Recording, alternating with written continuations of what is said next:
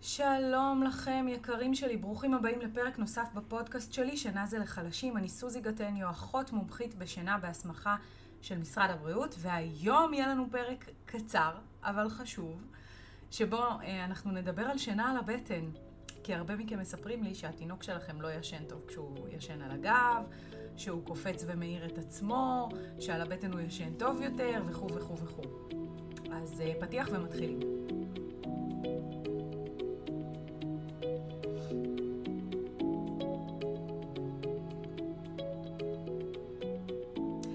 בואו נעשה סדר בנושא הסבוך הזה של שינה על הגב או על הבטן, מתי, כמה ולמה, ונשים את המלצת משרד הבריאות בראש ובראשונה ומעל הכל בפרק הזה, שתינוקות צריכים לישון על הגב. לפחות נכון למה שידוע היום לעולם המחקר על תסמונת המוות בעריסה. למה? כי מחקרים הראו ששכיחות המקרים של מוות בעריסה יורדת כשתינוקות שוכבים על הגב, ויש לממצאים האלה כמה תיאוריות שקשה להוכיח חד משמעית, אני חייבת לומר, אבל הן מאוד מקובלות ומוכרות, וכל כמה שנים צצות עוד ועוד תיאוריות שמנסות להפריך או לאושש במחקרים את התיאוריות האלה, ומזה אתם גם מבינים שוב שרב הנסתר על הגלוי בכל הנושא של מוות בעריסה, לא עלינו. זה הכל מבוסס על סטטיסטיקות, אמ, ולכן אני גם לא אלאה אתכם בתיאוריות שעומדות מאחורי ממצאי המחקרים, כי, כי שוב, כל הזמן משתנה, כל כמה שנים צץ משהו חדש, אבל את ה... ויש כמובן תיאוריות יציבות שמחזיקות לאורך שנים, אבל זאת ההמלצה, בסדר? תינוקות עד... אה, אה, תינוקות אמורים לשכב על הגב. אה, אבל את הרעיון של הדבר הזה הבנתם. אנחנו רוצים שהתינוקות שלנו יישנו על הגב, על מזרן קשיח, ללא מצעים משוחררים, במיטה שלהם. אוקיי, זאת ההמלצה, אנחנו, אני מקווה שכולנו מיושרי קו איתה, אומרים לכם אותה גם בטיפות חלב, זה נמצא באתר משרד הבריאות. מי שלא מכיר, אני ממש ממש ממליצה ל- לכתוב בגוגל המלצות לשינה בטוחה, אה, משרד הבריאות, ולהיכנס ולקרוא שם, יש שם תמיד את הקווים המנחים הכי, אה, הכי עדכניים. אז מה זה אומר? שתינוק לא יכול לישון על הבטן אף פעם? לא, זה לא נכון, וזה גם לא מומלץ לקחת שום המלצה בקיצון. כשהתינוק שלכם לומד להתהפך מהגב לבטן ומהבטן לגב, הרי שאין שום יתרון לשינה על הגב או על הבטן. התינוק שלכם יחליט לאן להתהפך, והוא יתהפך עשרות פעמים בלילה והוא יישן איך שנוח לו. בסדר? אותו דבר לגבי כשהאף של התינוק שלנו אה, לפעמים נראה לנו צמוד מדי למזרון, ואיך בדיוק הוא נושם ככה. אם התינוק שלכם יודע להתהפך, זה מצביע על זה שהוא מספיק חזק כדי לדחוף את עצמו, להרים את הראש שלו ואת עצמו ולצאת מתנוחות לא נוחות עבורו, או לסובב את הראש שלו לצד השני אם הוא צריך. אז ההמלצה לשינה על הגב היא משמעותית, היא חשובה, היא רלוונטית, אבל היא עד לשלב שבו התינוק שלכם למד להתהפך והוא שולט בהתהפכויות האלה, מהגב לבטן ומהבטן לגב. זה לא, זה, צריך להדגיש את זה, כן? זה לא שהוא יתהפך לי חד פעמי במקרה והוא לא יודע איך לחזור על זה, אלא שהוא עושה את זה באופן עקבי והוא יודע להתהפך גם לכאן וגם לכאן. וכאן גם המקום להדגיש, כי לצערי אני נתקלתי גם במקרים כאלה. תינוק שלמד להתהפך, אסור בתכלית האיסור להמשיך לעטוף אותו בשמיכות עיטוף, מה שנקרא סוודל. כי אם חלילה עטפנו אותו והוא יתהפך על הבטן כשהוא עטוף, אין לו אפשרות להרים את הראש או להציל את עצמו במידה והוא צריך. אז בבקשה, בשנייה שהתינוק שלכם לומד להתהפך, אתם הפסקתם את העיטוף באותו רגע. אין יותר עיטוף. ו, אה, וזה מספיק שהוא יתהפך גם פעם אחת וגם במקרה, אוקיי? פה במקרה הזה אני לא מחכה שהוא יעשה את זה באופן עקבי. מספיק שהוא יתהפך פעם אחת, לגמרי במקרה, לא משנה, אין יותר עיטוף החל מאותו רגע. בסדר? אני מקווה שהייתי מספיק ברורה ושצעקתי את זה למיקרופון. יכול להיות שאני קצת היסטרית בנושא, אבל כן, זה חשוב. זה חשוב מאוד, כי ההורים מתלהבים מהעיטוף, אוהבים, עפים על העיטוף, גם התינוקות מאוד אוהבים את העיטוף, ונורא קשה לנו לוותר על זה, כי אנחנו נורא פוחדים שאם נפסיק את העיטוף, התינוק שלנו פתאום לא יישן טוב.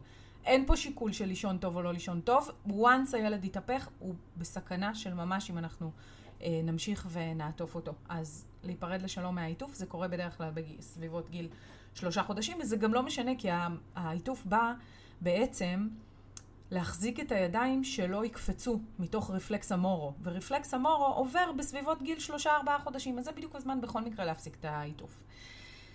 אמ, נקודה נוספת שרציתי לדבר איתה לגבי שינה על הבטן, זה שיש שלב כזה בהתפתחות של התינוקות שלנו, שהורים מספרים לי שהתינוק שלהם שונא לישון על הבטן, ושהם מוצאים את עצמם כל הלילה, כל פעם שהתינוק שלהם מתהפך על הבטן, הוא מתעצבן, הוא מתחיל לכעוס, הם צריכים ללכת, להפוך אותו חזרה על הגב, אני קוראת לזה להכין קציצות.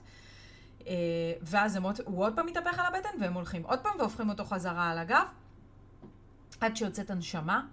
Uh, ההמלצה שלי היא דווקא לא להפוך אותם אחרי שהם יתהפכו על הבטן, אלא לאפשר להם להתרגל גם לתנוחה הזאת. התנוחה שמאלצת אותם, בין היתר, מאמץ גדול יותר, כדי להרים את הראש שלהם, לראות את העולם, הם צריכים את הזמן בטן הזה, את חיזוק חגורת הכתפיים ואת ההסתגלות שלא להתעורר מזה שהם פתאום מוצאים את עצמם על הבטן בלילה.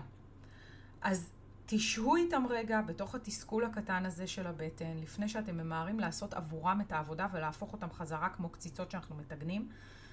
כי מה שקרה לצערי הרב בשנים האחרונות, מרוב זה שאנחנו אה, אומרים שמשכיבים תינוקות רק על הגב ומדגישים את זה ונורא מפחידים ו- ומוות בעריסה חלילה לא עלינו ו ו ו ו ו ותינוקות כמעט ואין להם זמן בטן. אנחנו משכיבים, רגילים להשכיב אותם רק על הגב.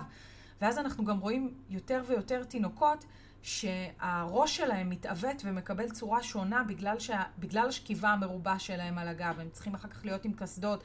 אנחנו רואים תינוקות שלא מסוגלים לישון על הבטן, שבשנייה שהם מתהפכים על הבטן מתחילים לבכות ולצרוח. אתם חייבים לקחת דברים בפרופורציה ולתת לתינוקות שלכם זמן בטן. שוב, הקיצון הזה אין לו מקום. בסדר, אז כשהם ישנים תשכיבו אותם על הגב. כל שאר הזמן, יש לכם מלא זמן לתרגל זמן בטן. ולא להיבהל מקצת תסכול. התסכול המינימלי הזה מוליד הרבה הרבה למידה. הרי מה זה, מה זה התסכול הזה? לא, הוא לא צריך להפחיד אתכם. תינוק שרואה צעצוע רחוק, מתוסכל, מרגיש שהוא רוצה לקחת את הצעצוע והוא לא יכול, ומה הוא לומד לעשות בשביל להגיע לצעצוע הזה? לזחול. או אם הוא רואה משהו על השולחן, והוא לא מגיע, והוא גם רוצה להיות כמו הגדולים, אז הוא מתוסכל, ומתוך התסכול הזה הוא מוצא את הדרך לעמוד. ככה הם לומדים. אז לא להיבהל, להיות שם, להכיל את זה, להיות איתם. ברגע שהם מתעצבנים, בסדר, תעשו הפסקה, תחזרו עוד פעם לזמן בטן, קחו את הזמן, אתם, יש לכם זמן, הם קטנים, ת, תהיו סובלניים ותאפשרו את זה. אל תיבהלו מקצת תסכול. אתם יודעים מה? אנחנו גם... זה כאילו... אה, אם אתם מזהים את המצב הזה אצלכם, כשהתינוק שלכם מתחיל להתעצבן בשנייה שהוא מתהפך על הבטן, קודם כל תדעו שזה מאוד מאוד מאוד נפוץ, זה דבר ראשון. ובמקום להתחמק מזה, זה דווקא צריך להיות הסימן הראשון שלכם להחליט שעכשיו אתם מתחילים לתרגל מלא זמן בטן בשעות הערות ולא רק בשינה. השינוי לא יבוא מיד, זה ברור, זה תהליך התפתחותי, הסתגלותי, אבל בדרך כלל תוך שבוע של תרגול זמן בטן אתם תראו את השיפור קורה. והגיל שבו למעשה אנחנו רואים את התינוקות שלנו לומדים להתהפך הוא סביבות גיל שלושה-ארבעה חודשים, שמלכתחילה הגיל הזה גם ככה מאופיין בקפיצת גדילה ובשינויים משמעותיים גם בשינה, כמו רגרסיית אה, גיל ארבעה חודשים המפורסמת. אז אם התינוק שלכם בגיל הזה ואתם מרגישים קושי בהרדמות, או שכמות ההתעוררויות בלילה הולכת וגדלה, אתם תוכלו להיעזר בהדרכה שלי, שנקראת עוברים לשינה של גדולים, שפוגשת את התינוק שלכם בדיוק בדיוק איפה שהוא נמצא כרגע מבחינה התפתחותית, וההדרכה הזאת תעזור לכם לייצר הרגלי שינה טובים והירדמות עצמאית גם בגיל הזה. אז אני שמה לכם קישור להדרכה הזאת בתחתית הפרק למי שיצטרך. אה, ועד כאן שיחה על שינה על הבטן ומחשבות והגיגים ופנינו לאן, כי באמת שיש שינוי מאוד גדול, יעידו על כך המלוות אה, ההתפתחותיות והפיזיותרפיסטים. ש, אה, שזאת המומחיות שלהם, שאין מספיק זמן בטן, שאנחנו מוותרים בקלות מדי, שאנחנו מתחמקים מלהתמודד עם תסכול, אז קחו מכאן את הכוח, זה בסדר, אנחנו יודעים מה טוב עבור התינוקות שלנו, תסמכו על עצמכם, אתם יודעים הכי טוב, ותהיו שם עבורם ותתרגלו איתם. אה, אני מקווה שעשיתי לכם קצת סדר בנושא הזה של שינה על הבטן וקצת ארגנו את ההיסטריה והקיצון של שינה רק על הגב והסברנו שאפשר להשכיב גם על הבטן אחרי שהתינוקות שלנו יודעים להתהפך, שאין לה, בעצם אין לה, להמלצה הזאת שום משמעות ברגע שהתינוק יודע להתהפך כי הוא יעשה את זה anyway בלילה. אז אה, יאללה, תתחילו לתת לתינוקות שלכם זמן בטן, זה כל כך כל כך חשוב חיזוק חגורת הכתפיים, שמובילה בעצם לכל ההתפתחות שלהם אחר כך. זה באמת המקור הכי חשוב. אז צאו לדרך ולכו לתרגל, ואנחנו נתראה בפרק הבא. ביי.